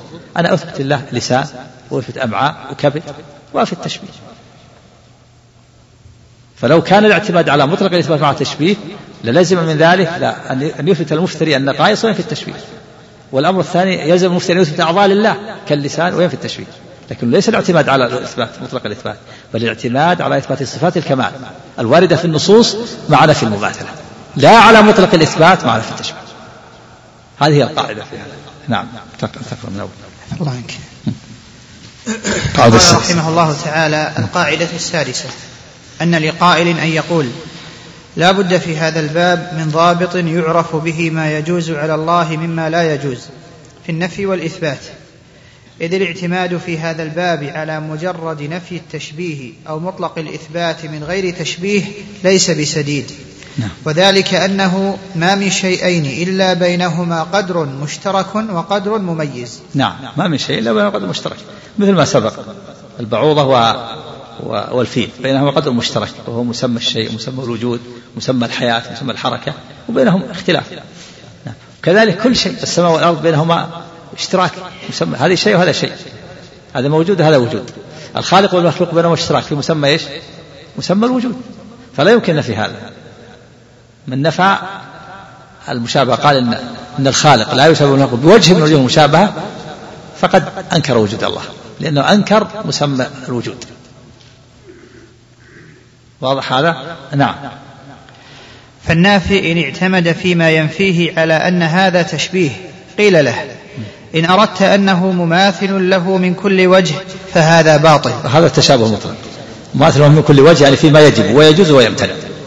فلو قال إن المخلوق لا يشابه الخالق فيما يجب كوجوب الدوام والبقاء وفيما يجوز كالخلق والرزق وفيما يمتنع كامتناع الموت والنوم هل أحد يقول أن المخلوق يشابه المخلوق في من جميع الوجوه فيما يجب ويجوز ويمتنع ما أحد قال هذا. لا من القول ما أحد قال هذا. لا أحد يقول أن الخالق يشابه المخلوق في فيما يجب وفيما يجوز وفيما يمتنع من جميع الوجوه. إذا كيف تنفي شيء ما أحد قال به؟ لغو من القول. نعم. فهذا باطل وإن أردت أنه مشابه له من وجه دون وجه. هذا مطلق التشابه هذا النوع الثاني. هذا لا يمكن نفيه لا بد أن تثبت وجه من الوجود وهو المشابه في مسمى الشيء والوجود. فإن لم تثبت هذا الوجه وصلت إلى التعطيل التام. إذا ما ما يعتمد على في التشابه لا هذا ولا هذا. نعم. وإن أردت أنه مشابه له من وجه دون وجه أو مشارك له في الاسم لزمك هذا في سائر ما تثبته. نعم. وأنتم إنما أقمتم الدليل على إبطال التشبيه والتماثل الذي فسرتموه بأنه يجوز على أحدهما ما يجوز على الآخر. نعم فيما يجب وهذا أي النوعين؟ هذا النوع الأول وهو النوع الأول. قل أنتم أقمتم الدليل على نفي مشابهة وهو النوع الأول. وأنتم؟ وأنتم إنما أقمتم الدليل على إبطال التشبيه والتماثل الذي فسرتموه بأنه يجوز على أحدهما ما يجوز على الآخر ويمتنع عليه ما يمتنع عليه ويجب له ما يجب له. هذا التشابه جمع يجوز عليه ما يجوز على الآخر. الذي يجوز على الخالق الرزق والإحياء والإماتة. ويجب له يجب للرب دوام البقاء. والذي يمتنع عليه الموت والنوم والعيوب. فهل المخلوق يقال انه مثل ذلك من جميع الوجوه؟ ما يمكن. ما حد قال بهذا أبدا. فكيف تنفي شيء ما قال به أحد؟ هل قال أحد إن المخلوق يشابه الخالق في جميع الوجوه فيما يجب ويجوز ويمتنع؟ ما حد قال هذا. فإذا شيء لم يقل به أحد لغو من القول كيف تنفيه ولأنه ولو قال به أحد لا يلزم من ذلك أن يكون الخالق هو المخلوق والمخلوق هو الخالق. نعم. ومعلوم أن إثبات التشبيه بهذا التفسير مما لا يقوله عاقل يتصور ما يقول. نعم ما قال به أحد. نعم. فإنه يعلم بضرورة العقل امتناعه. مستحيل. يعلم بضرورة العقل امتناعه استحالته ضرورة العقل ما أحد قال بهذا أن المخلوق يسمى المخلوق من جميع الوجوه. هل أحد قال أن المخلوق له وجوب البقاء كما يكون لله؟ هل أحد قال أنه يمتنع على المخلوق الموت والنوم؟ هل أحد قال أنه يجوز للمخلوق ما يجوز على الله من الخلق والرزق والإماتة والإحياء؟ ما أحد قال بها نعم. فإنه يعلم بضرورة العقل امتناعه ولا يلزم من هذا نفي التشابه من بعض الوجوه كما في الأسماء والصفات المتواطئة. نعم. لا يلزم من هذا نفي التشابه من بعض الوجوه. تشابه من وجه دون وجه. المتواطئة متفقة في أصل المعنى. يعني مثل مسمى العلم مسمى القدرة. في اشتباه بين علم الخالق وعلم المخلوق في في أصل. في أصل المعنى أصل العلم وأنه ضد الجهل أصل القدرة وأنه ضد العجز. لا يلزم من نفي التشابه من جميع الوجوه نفي التشابه من بعض الوجوه. بعض الوجوه قد يوجد تشابه. لكن المنفي التشابه من جميع الوجوه؟ نعم. ولكن من الناس من يجعل التشبيه مفسرا بمعنى من المعاني. ثم إن كل من أثبت ذلك المعنى قالوا إنه مشبه. مثل ما المعتزلة. قالوا من أثبت الله صفة قديمة هو مشبه. قالوا القديم ما هو؟ الذات. لذات الله. فإذا أثبت علم قديم قال شبهت. شبهت بأي شيء؟ شبهت العلم بالذات. جعلته إلها واحد ثاني. شبهت بالله. طيب هل يمكن إثبات ذات مجردة عن الصفات؟ لكن هم هكذا فرضوا هذا فرض. نعم. ولكن من الناس. ولكن من الناس من يجعل التشبيه مفسرا بمعنى من المعاني نعم. ثم إن كل من أثبت ذلك المعنى قالوا إنه مشبه نعم. ومنازعهم يقول ذلك المعنى ليس من التشبيه نعم.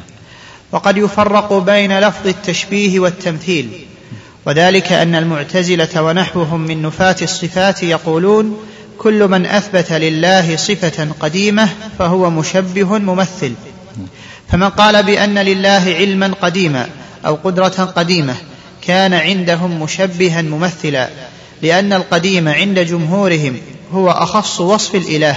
أخص وصف الإله هو يعني أثبتوا لله ذاتا مجردة قديمة بس ذات مجردة من الصفات فإذا قلت لله علم قديم قال هذا إله ثاني جعلته مع الله.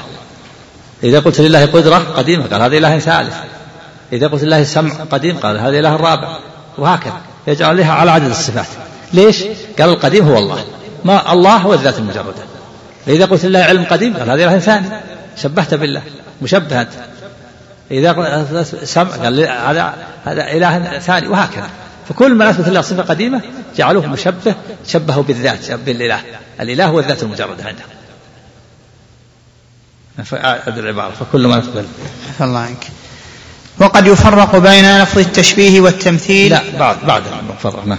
فمن قال بأن لله علما قديما نعم. أو قدرة قديمة كان عندهم مشبها ممثلا. مشبها لا العلم والقديم بالذات لله الذات هي القديمة. والعلم إله ثاني يجعله مستقل جعل الصفة مستقلة جعل إله ثاني. والقدرة إله ثاني والسمع إله وهكذا. تتعدد الآلهة بتعدد الصفات. نعم. لأن القديم عند جمهورهم هو أخص وصف الإله. نعم.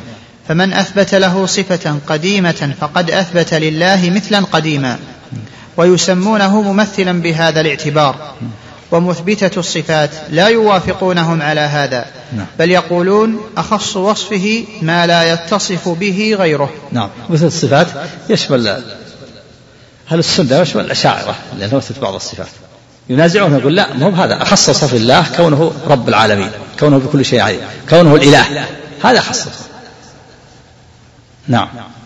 مثل كونه رب العالمين وأنه بكل شيء عليم وأنه على كل شيء قدير وأنه إله واحد ونحو ذلك. نعم. هذه خصوص التي لا يوصف بها غيره. ما يوصف غيره بأنه إله العالمين ولا أنه بكل شيء عليم ولا أنه بكل شيء قدير. هذه الصرف. نعم.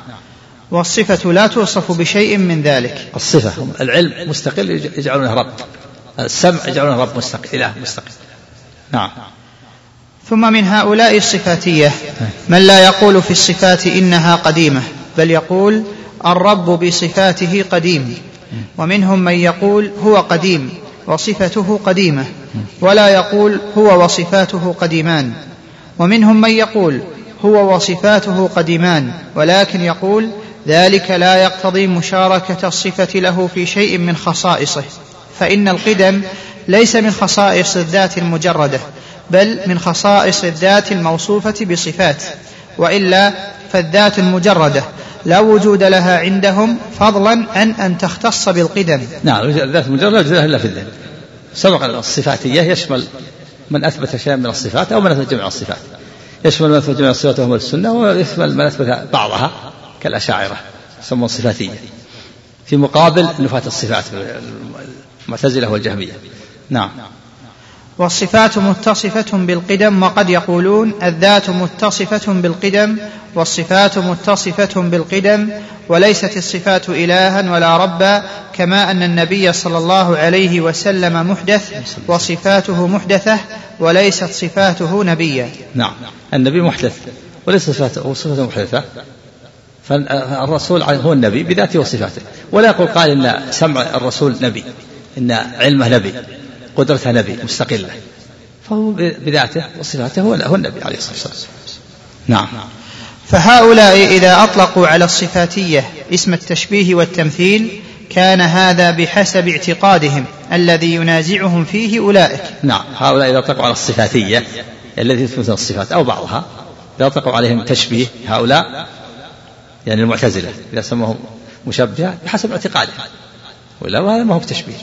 فالمعتزلة يسمون الصفاتية مثل الأشاعرة التي تسمون الصفات مشبه حسب اعتقاده ولا ما هو بتاع تشبيه لكن هم صوروا في أذهانهم أن اللي يثبت صفة قديمة قالوا هذا مشبه فسموه مشبه بحسب اعتقادهم هو اصطلاحهم الفاسد نعم فهؤلاء فهؤلاء إيش؟ فهؤلاء إذا أطلقوا على الصفاتية نعم. اسم التشبيه والتمثيل نعم. كان هذا بحسب اعتقادهم الذي ينازعهم فيه أولئك ينازعهم فيه أولئك كان الصفاتية فهؤلاء المعتزلة. إذا أطلقوا على الصفاتية الذي يثبتون الصفات من أهل السنة والأشاعرة مشبهة كان بحسب اعتقادهم أن كل من أثبت صفة الله قديمة مشبه الذي ينازعهم فيه أولئك الصفاتية من الأشاعرة وأهل السنة. نعم. ثم يقول لهم أولئك هب أن هذا المعنى قد يسمى في اصطلاح بعض الناس تشبيها فهذا المعنى لم ينفه عقل ولا سمع وإنما الواجب نفي ما نفته الأدلة الشرعية والعقلية. نعم هذا هذا جواب آخر رد آخر. الصفاتية يقول المعتزلة افرض أنكم سميتوا هذا تشبيه إثبات الصفة تشبيه. ما علينا من التسمية. هل جاءت النصوص بنفي هذه الصفات ولا ما جاءت؟ ما دام النصوص ما جاءت بنفيها أو أو جاءت بإثباتها فنحن نثبتها. ولا يهمنا تسمية تشبيه وتمثيل. افرض هب افرض. افرض أنك سميته تشبيه. ما يهمنا ما دام جاءت النصوص بإثباته نثبته لله ولو سميته تشبيه تشبيه تشبيه. ما يضرنا. هذا ما هي بالعبرة بالأسماء العبرة بالحقائق. أنتم تسمونها تشبيه نحن نثبتها لأن النصوص اثبتتها هذا رد. ثم هب هب إيش؟ الله عنك. ثم يقول لهم أولئك هب أن ثم يقول لهم أولئك. ثم يقول للمعتزلة أولئك الصفاتية الاسم الصفات. ثم يقول من القائل؟ لا الصفاتية. لهم للمعتزلة. ثم يقول لهم أولئك هب أن هذا المعنى قد يسمى في اصطلاح بعض الناس تشبيها. هب أن هذا المعنى إثبات الصفات. قد يسمى تشبيها فلا يضرنا التسمية ما دام النصوص أثبتت الصفات نثبتها وكون بعض الناس سميها تشبيه ما ما, ما يضرنا هذا نعم. لم ينفه عقل ولا سمع وإنما الواجب نفي ما نفته الأدلة الشرعية والعقلية. نعم. فهذه الصفات ما نفتها الأدلة السمعية ولا العقلية بل أثبتتها فنحن نثبتها. والذي يجب نفيه ما نفته الأدلة الشرعية السمعية ولا السمعية الشرعية من الكتاب والسنة السنة السمعية لأنها مسموعة. الواجب نفي ما نفته الأدلة الشرعية والعقلية. وما دام أن الأدلة ما نفت هذه الصفات بل أثبتتها نثبتها. نعم. والقرآن قد نفى مسمى المثل والكفر والند ونحو ذلك. نعم ولا نفي الصفات قال ليس كمثله شيء. فلا تجعلوا الله أندادا. هل تعلم له سبيا ولم يكن له كفوا أحد؟ هذا اللي نفي.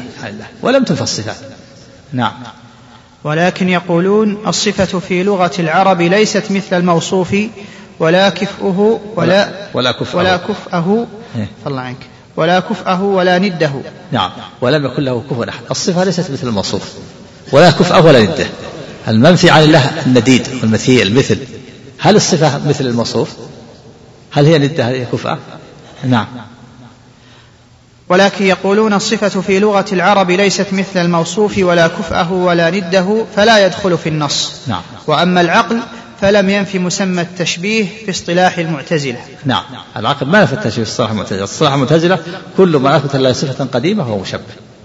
العقل ما ما نفى هذا ما نفى الصفات على وعلى حسب الاصطلاح نعم. إذا العقلية والشرعية ما نفت الصفات. وما دام ما نفتها بل أثبتها نثبتها. الذي ينفى هو الذي تنفيه الأدلة. الأدلة نفت الكفء والمثل والند. فهل الصفات كفء للموصوف؟ حتى تنفى لا. نعم. وكذلك أيضا يقولون إن الصفات لا تقوم إلا بجسم متحيز والأجسام متماثلة فلو قامت به الصفات للزم أن يكون مماثلا. وكذلك. وكذلك. سم. تحتاج القاعدة السادسة إلى مراجعة تكرار تراجعونها تقرؤونها لأنها مهمة. الكتاب. نعم. الرحمن الرحيم الحمد لله رب العالمين وصلى الله وسلم وبارك على نبينا محمد وعلى آله وصحبه وأتباعه بإحسان إلى يوم الدين أما بعد. فقال شيخ الإسلام ابن تيمية رحمه الله تعالى وكذلك أيضا يقولون إن الصفات لا تقوم إلا بجسم متحيز. إيش قبل قبل قبل قال فهؤلاء إذا أطلقوا على الصفاتية اسم التشبيه والتمثيل كان هذا بحسب اعتقادهم الذي الرحمن الحمد لله والصلاة والسلام على رسول الله وعلى آله وصحبه سبق أن المؤلف رحمه الله بين أن الناس يختلفون في مسمى التشبيه والتمثيل وأن المعتزلة يسمون من أثبت الصفات مشبه ويقولون أخص أوصاف الله أخص أوصاف الله هو القدم فيقول ذات الله قديمة لا يشارك ذات الله شيء فمن أثبت صفة لله فقد شبه الله شبه الصفة بذات الله فيكون مشبه. فيقول ذات الله هي القديمة وخص أوصاف الله هي القدم فإذا قال أثبت لله سمعا قديما قالوا أثبت إلها آخر مع الله ثالث وإذا أثبت قدرة لله قديمة قال هذا إله ثالث. وإذا أثبت علم لله قديم قالوا هذا إله رابع وهكذا. وهذا بجهلهم لأن الذات لا تكون مجردة ما في ذات مجردة. الذات لا لا تسمى ذات إلا مع الأسماء والصفات. فلا يقال لها ذات مجردة الشيء الذي تجرده على الأسماء والصفات لا وجد له إلا في الذهن. فهذا بحسب اعتقادهم. فمن أثبت الله فهم يقولون لل للأشاعرة التي يثبتون الحياة والكلام والبصر والسمع يقول أنتم مشبهة. كيف مشبهة؟ قالوا شبهتم الله بخلق. أثبتم آلهة متعددة مع الله. لكن أثبتم علم وهذا إله مستقل. الإله هو الله. ذات الله المنفردة هذا هذا هو الإله القديم. إذا قلتم أثبتم العلم القديم وجعلتم إلها ثالث إذا أثبتم السمع إله ثالث. إذا أثبتم البصر إله رابع يقول هذا بحسب اعتقادهم الفاسد. تسميتهم هذا باعتقادهم الفاسد. وقولوا من خص أوصاف الله القدم هذا باطل. الصواب أن خص أوصاف الله ما لا يسمى به غيره. كونه رب العالمين كونه بكل شيء عليم. كونه بكل شيء قدير كونه مالك الملك خالق الخلق هذا خص أوصاف الله. ف فالتسمية والتشبيه يختلف فيه الناس. كل طائفة لها اصطلاح بالتشبيه. فالمعتزلة اصطلاحهم أن من أثبت الصفات هو مشبه. نعم تقرأ العبارة. الله عنك. قال فهؤلاء إذا فهؤلاء المعتزلة. نعم قالوا إن إن أخص أوصاف الله القدم وأن من أثبت صفة لله فهو مشبه. نعم. شبه شبه الصفة بالذات. صار مشبه. نعم. فهؤلاء إذا أطلقوا على الصفاتية اسم التشبيه والتمثيل. الصفاتية يطلق على الذين يثبتون الصفات. ويشمل الأشاعرة وأهل السنة. يسمون صفاتية في مقابل من ينفي الصفات. من المعتزلة والجهمية. اللي ينفون الصفات ما يسمون صفات واللي يثبت شيء من الصفات يسمى صفاتية نعم. فهؤلاء إذا أطلقوا على الصفاتية اسم التشبيه والتمثيل فهم يطلقون على السنة وعلى الأشاعرة مشبهة ممثلة لأنهم يثبتون الأسماء والصفات الأشاعرة يثبتون سبع وعلى السنة يثبتون بقية الصفات. يسميهم معتزلة مشبهة. ليش مشبهة؟ لأنهم شبهوا الله لأنهم شبهوا الصفات بالله فجعلوها قديمة كقدم الله. هكذا. فصارت آلهة متعددة مع الله بزعمهم نعم. كان هذا بحسب اعتقادهم الذي ينازعهم فيه أولئك. الذي ينازعهم فيه أولئك الأشاعرة وأهل السنة ينازعونهم. في تسوية من هذا التشبيه يقول لا لا, لا, لا نوافقكم. لا نوافق هذا التشبيه. هذا أنتم تسووا تشبيه ونحن لا نوافقكم. نعم. ثم يقول لهم أولئك. نعم. ثم يقول لهم نعم. هب أن هذا المعنى قد يسمى في اصطلاح بعض الناس تشبيها. نعم. فهذا المعنى لم ينفه عقل ثم يقول لهم أولئك. ثم يقول للمعتزلة. لهم يقول لهم للمعتزلة. الذين يقولون إن إثبات الصفات تشبيه يقول لهم أولئك. يعني الأشاعرة وأهل السنة. الذي في الصفات. يقول افرض أن آه، أنكم تسوون تشبيه وتمثيل. لكن هل هل الأدلة نفتها الصفات ولا ما نفتها؟ ما نفتها أدلة أثبتتها. فنحن نثبتها ولا نبالي بالتسمية تشبيه وتمثيل. أنتم تسمون تشبيه وتمثيل ما يضر التسمية ليست العبرة بالتسمية العبرة بالحقائق. نحن نثبتها لأن الله أثبتها لنفسه وأثبتها لرسوله وكونكم تسمون تشبيه وتمثيل ما يضر. تشبيه وتمثيل نعم. سموها تشبيه وتمثيل لتكون تشبيه وتمثيل ما يضر. التسمية ما تضر. العبرة بالحقائق. نعم. ثم يقول لهم أولئك هب هب افرض. افرض أنها صارت تشبيه وتمثيل ما يضر التسمية لأن الله أثبتها وأثبتها لرسوله فكونكم تنفرون الناس على اثبات الاسماء والصفات تسمون تشبيه ما يضر الحال نعم. هب بما افرض نعم. هب أن هذا المعنى قد يسمى في اصطلاح بعض الناس تشبيها. هذا المعنى اللي هو إثبات الصفات. قد يسمى في اصطلاح بعض الناس وهم المعتزلة. تشبيها نعم. فهذا المعنى لم ينفه عقل ولا سمع. هذا معنى الصفات. ما نفت الأدلة العقلية ولا نفت الأدلة السمعية. وإذا لم تنفي الأدلة العقلية والأدلة السمعية ما يضرنا التسمية. نعم. وإنما الواجب نفي ما نفته الأدلة الشرعية والعقلية. هذا الواجب. ما نفاه الأدلة الشرعية من الكتاب والسنة أو الأدلة العقلية الصريحة. لأن العقل الصريح يوافق النقل الصحيح. يتوافقان. إذا كان النقل سليم. يعني صحيح والعقل سليم. من الشبهات والشهوات يتوافقان ولا يختلفان. نعم. والقرآن قد نفى مسمى المثل والكفء والند ونحو ذلك. نعم هذا الذي نفى القرآن.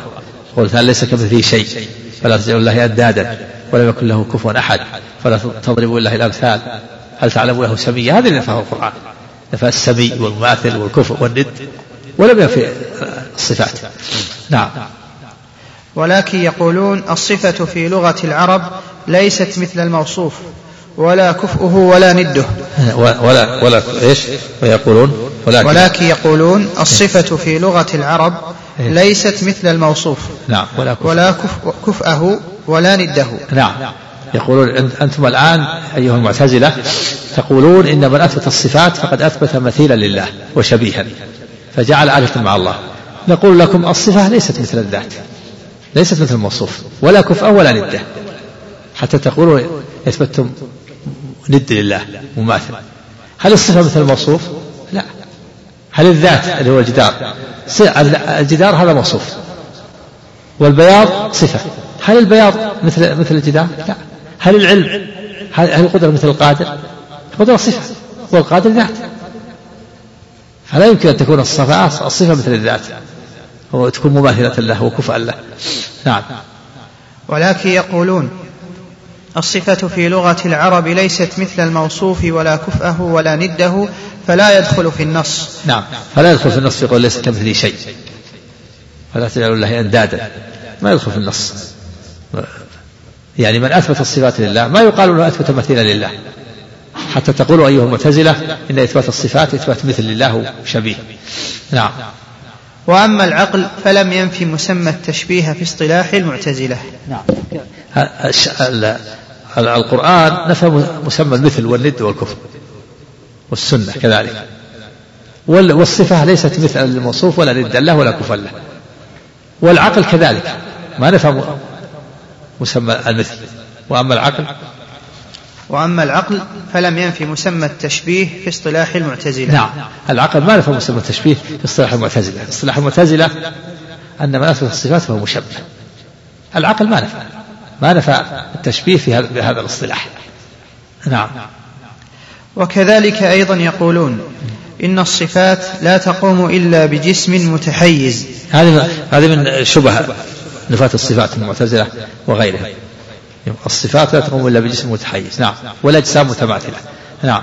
والأجسام متماثلة فلو قامت به الصفات للزم أن يكون مماثلا لسائر الأجسام وهذا هو التشبيه. هذا هذا دليل. هذا العقل يعتمد عليه جميع المعطلة الصفات لا تقوم إلا بجسم هذا هذا المقدمة الأولى. دليل مركب مقدمتين ونتيجة النتيجة الأجسام متماثلة المقدمة الثانية الأجسام متماثلة الصفات لا تقوم إلا بجسم هذا المقدمة الأولى. المقدمة الثانية الأجسام متماثلة النتيجة لو قامت الصفات بالله لكان جسما مماثلا للأجسام. فإذا نفى الصفات لئلا يكون جسما مماثلا للأجسام لأن الدليل آه، العقل يركبون المقدمة والنتيجة. وكل المقدمة الأولى مركبة من مبتدأ وخبر والثانية مركبة من مبتدأ وخبر وتحذف المكرر بينهم تحذف خبر الجملة الأولى أو مبتدأ الجملة الثانية تكون هي النتيجة. الصفة لا تقوم إلا بجسم. الأجسام متماثلة. إذا الصفات متماثلة. فلو اتصف الله بالصفات لكان جسما مماثلا للأجسام فإذا تنفع عنه الصفات نعم ويقولون إيش؟ الله عنك وكذلك أيضا يقولون إن الصفات لا تقوم إلا بجسم متحيز نعم. والأجسام متماثلة إيه. فلو قامت به الصفات للزم أن يكون مماثلا لسائر الأجسام نعم. وهذا هو التشبيه نعم. وكذلك يقول هذا كثير من الصفاتية الذين يثبتون الصفات وينفون علوه على العرش. وهم الأشاعرة. يعني هذا يعني هذه الشبهة هي شبهة للمعتزلة الذين ينفون الصفات. وهي شبهة للأشاعرة في الصفات التي ينفونها. لأن الأشاعرة فيهم سبع صفات. الحياة والكلام والبصر والسمع والعلم والقدرة والإرادة. وينفون العلو علو الله على العرش والاستواء.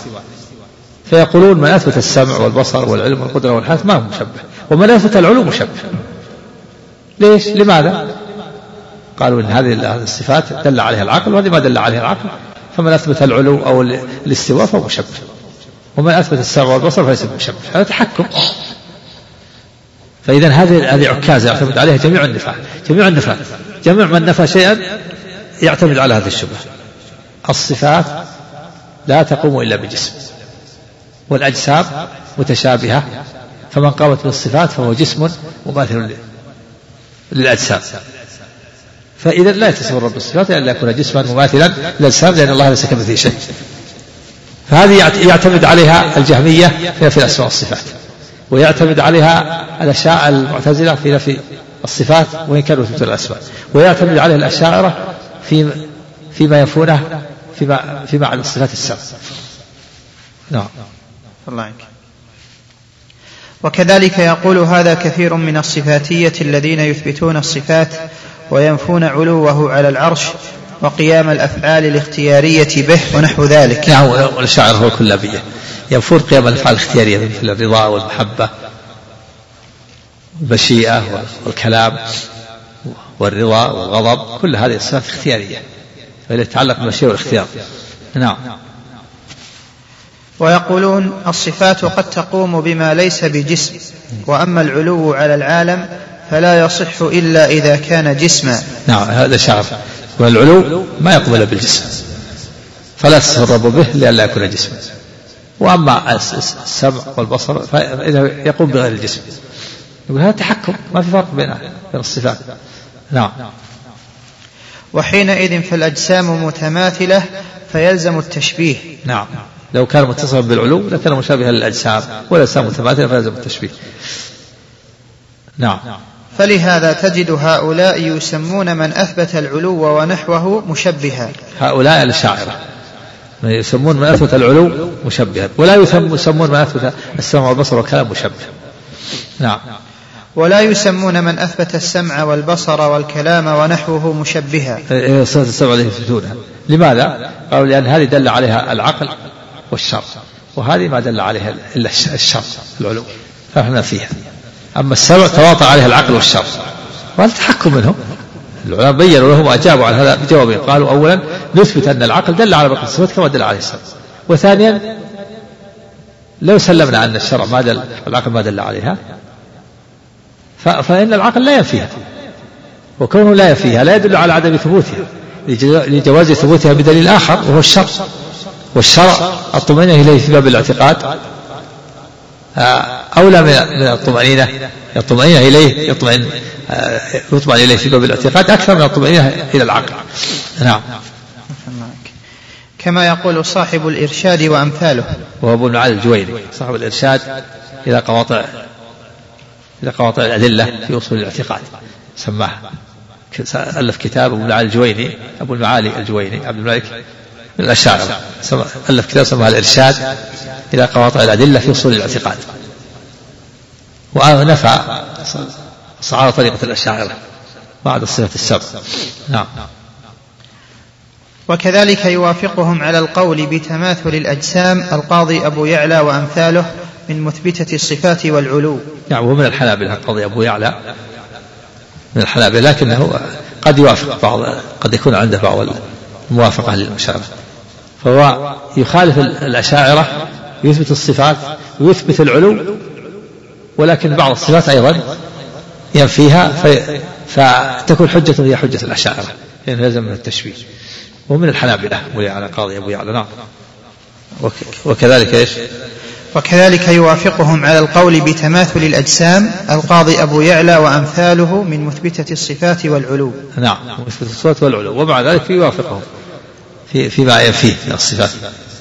وهو أصولي معروف حنبلي من الحنابلة له كتب في الأصول نعم.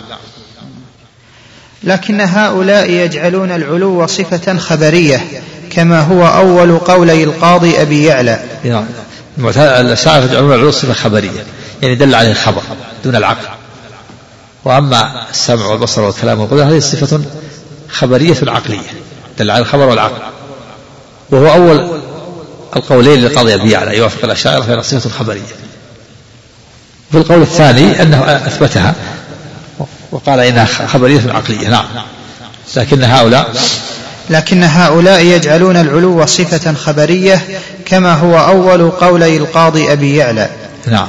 فيكون الكلام فيه كالكلام في الوجه.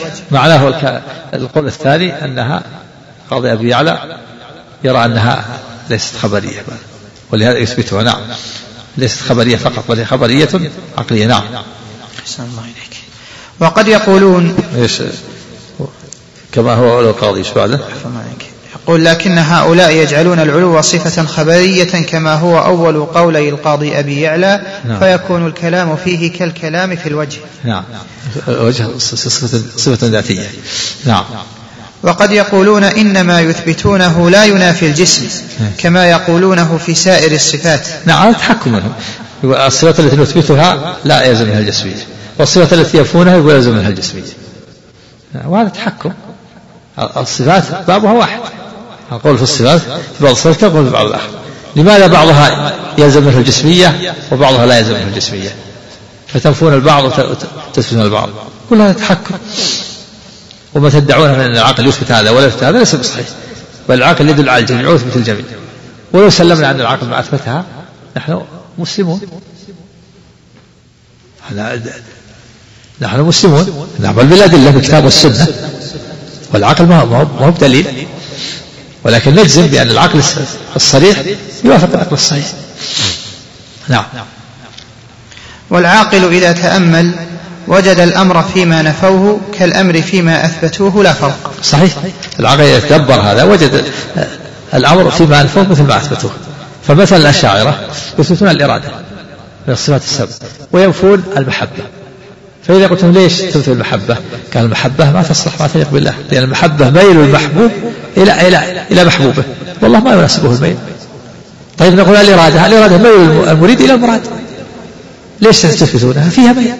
هذه فيه ميل المراد إلى المراد إن كانت المحبة فيها ميل ولا ولا يليق بالله فالإرادة فيها ميل وإن كانت الإرادة ليس فيها ليس فيها ميل فالمحبة ليس فيها ميل فالعاقل إذا إذا تدبر كما يقول المؤلف وجد الأمر فيما نفوه مثل الأمر فيما أثبته لا فرق. نعم. وأصل كلام هؤلاء كلهم على أن إثبات الصفات مستلزم للتجسيم والأجسام متماثلة والمثبتون يجيبون طيب هذا هذه الشبهة اللي يركزون عليها. هذه الشبهة والعكاز اللي اعتمد عليها جميع المعطلة أن هو وهو أن أن إثبات الصفات يستلزم التجسيم والأجسام متماثلة هذه عكازة كل من نفى شيء من الصفات هذه حجته إثبات الصفات يستلزم التجسيم والأجسام متماثلة فالجهمية اللي يفون الأسماء والصفات يقول إثبات الصفات تجسيم والأجسام متماثلة إذا في الله وإثبات الأسماء تجسيم ونحن في الله جاء المعتزلة قالوا لا إثبات الأسماء ما في تجسيم نثبت الأسماء. وإثبات الصفات فيها تجسيم نفيها جاء الأشاعرة قالوا لا إثبات سبع صفات ما في تجسيم نثبتها. وبقية الصفات فيها تجسيم ننفيها هذه عكازة اعتمد عليها. أصل قولها وشبهة والعكازة اللي اعتمدوا عليها أن إثبات الصفات يستلزم التجسيم والأجسام متماثلة سيأتي الرد والجواب عنها. نعم. والمثبتون يجيبون عن هذا تارة بمنع المقدمة الأولى نعم. وتارة بمنع المقدمة الثانية وتارة بمنع كل من المقدمتين وتارة بالاستفصال. هذه أربعة أجوبة. أربعة أجوبة كلها يجاب على هذه الشبهة. الجواب الأول منع المقدمة الأولى. المقدمة الأولى. إثبات الصفات يستلزم التجسيم ما قال لكم يستلزم التجسيم كل كل كل ما, ما فيه صفة. كل ما يتصف بالصفات يكون جسم لا. ليل طويل. وليل قصير. الليل جسم. حر شديد. وبرد شديد. الحر والبرد جسم. ما قال كل كل ما يتصف بالصفات يكون جسم. هذا باطل. ثانيا منع مقدمة. الأجسام متماثلة. هذا باطل. ما قال لكم أجسام متماثلة. جسم الفيل مثل جسم البعوضة. هل يقول عاقل إن, إن البعوضة والفيل متماثلان. وإن كان كل منهما له, له حركة وفي حياة لكن ما ليس متماثلان. هذا الجواب الثاني. الجواب الثاني نمنع المقدمتين كلاهما. نمنع أن تكون إثبات الصفات التسليم ونمنع أن يكون الجسم الأجسام متماثلة الجواب الرابع الاستفصال. قولكم جسم ما مرادكم بالجسم؟ وش مرادكم بالجسم نستفصل. وش مرادكم بالجسم. إن أردتم بالجسم البدن الكثيف قد يراد بالجسم بدل الكثيف وقد يراد به ما يشار إليه وقد يراد به المركب من شيئين وقد يراد به المركب من المادة والصورة وقد يراد به المركب من آه، من الجوهر الفرد. كل هذه مراد بالجسم. وكل واحد من هذه الأمور قولكم إن إن, إن الأجسام متماثلة باطل نعم الاستفصال هذا الأمر الرابع الاستفصال. إذا الجواب أربعة أجوبة. الجواب الأول منع المقدمة الأولى أن الصفات متشابهة. الجواب الثاني منع المقدمة الثانية الأجسام متماثلة. المرة الجواب الثالث منع المقدمة الأولى والثانية. الجواب الرابع الاستفصال عن مرادهم بالجسم. ثم الجواب. نعم. ولا ريب أن قولهم بتماثل الأجسام قول باطل. نعم. سواء فسروا الجسم بما يشار إليه. هذا واحد. قالوا كل مشار إليه هذا جسم؟ بعضهم يقول الجسم كل مشار وبعضهم يقول الجسم البدن الكثيف. فالماء ما يسمى جسم على هذا. يعني والهواء ما يسمى جسم. نعم. سواء فسروا الجسم بما يشار إليه أو بال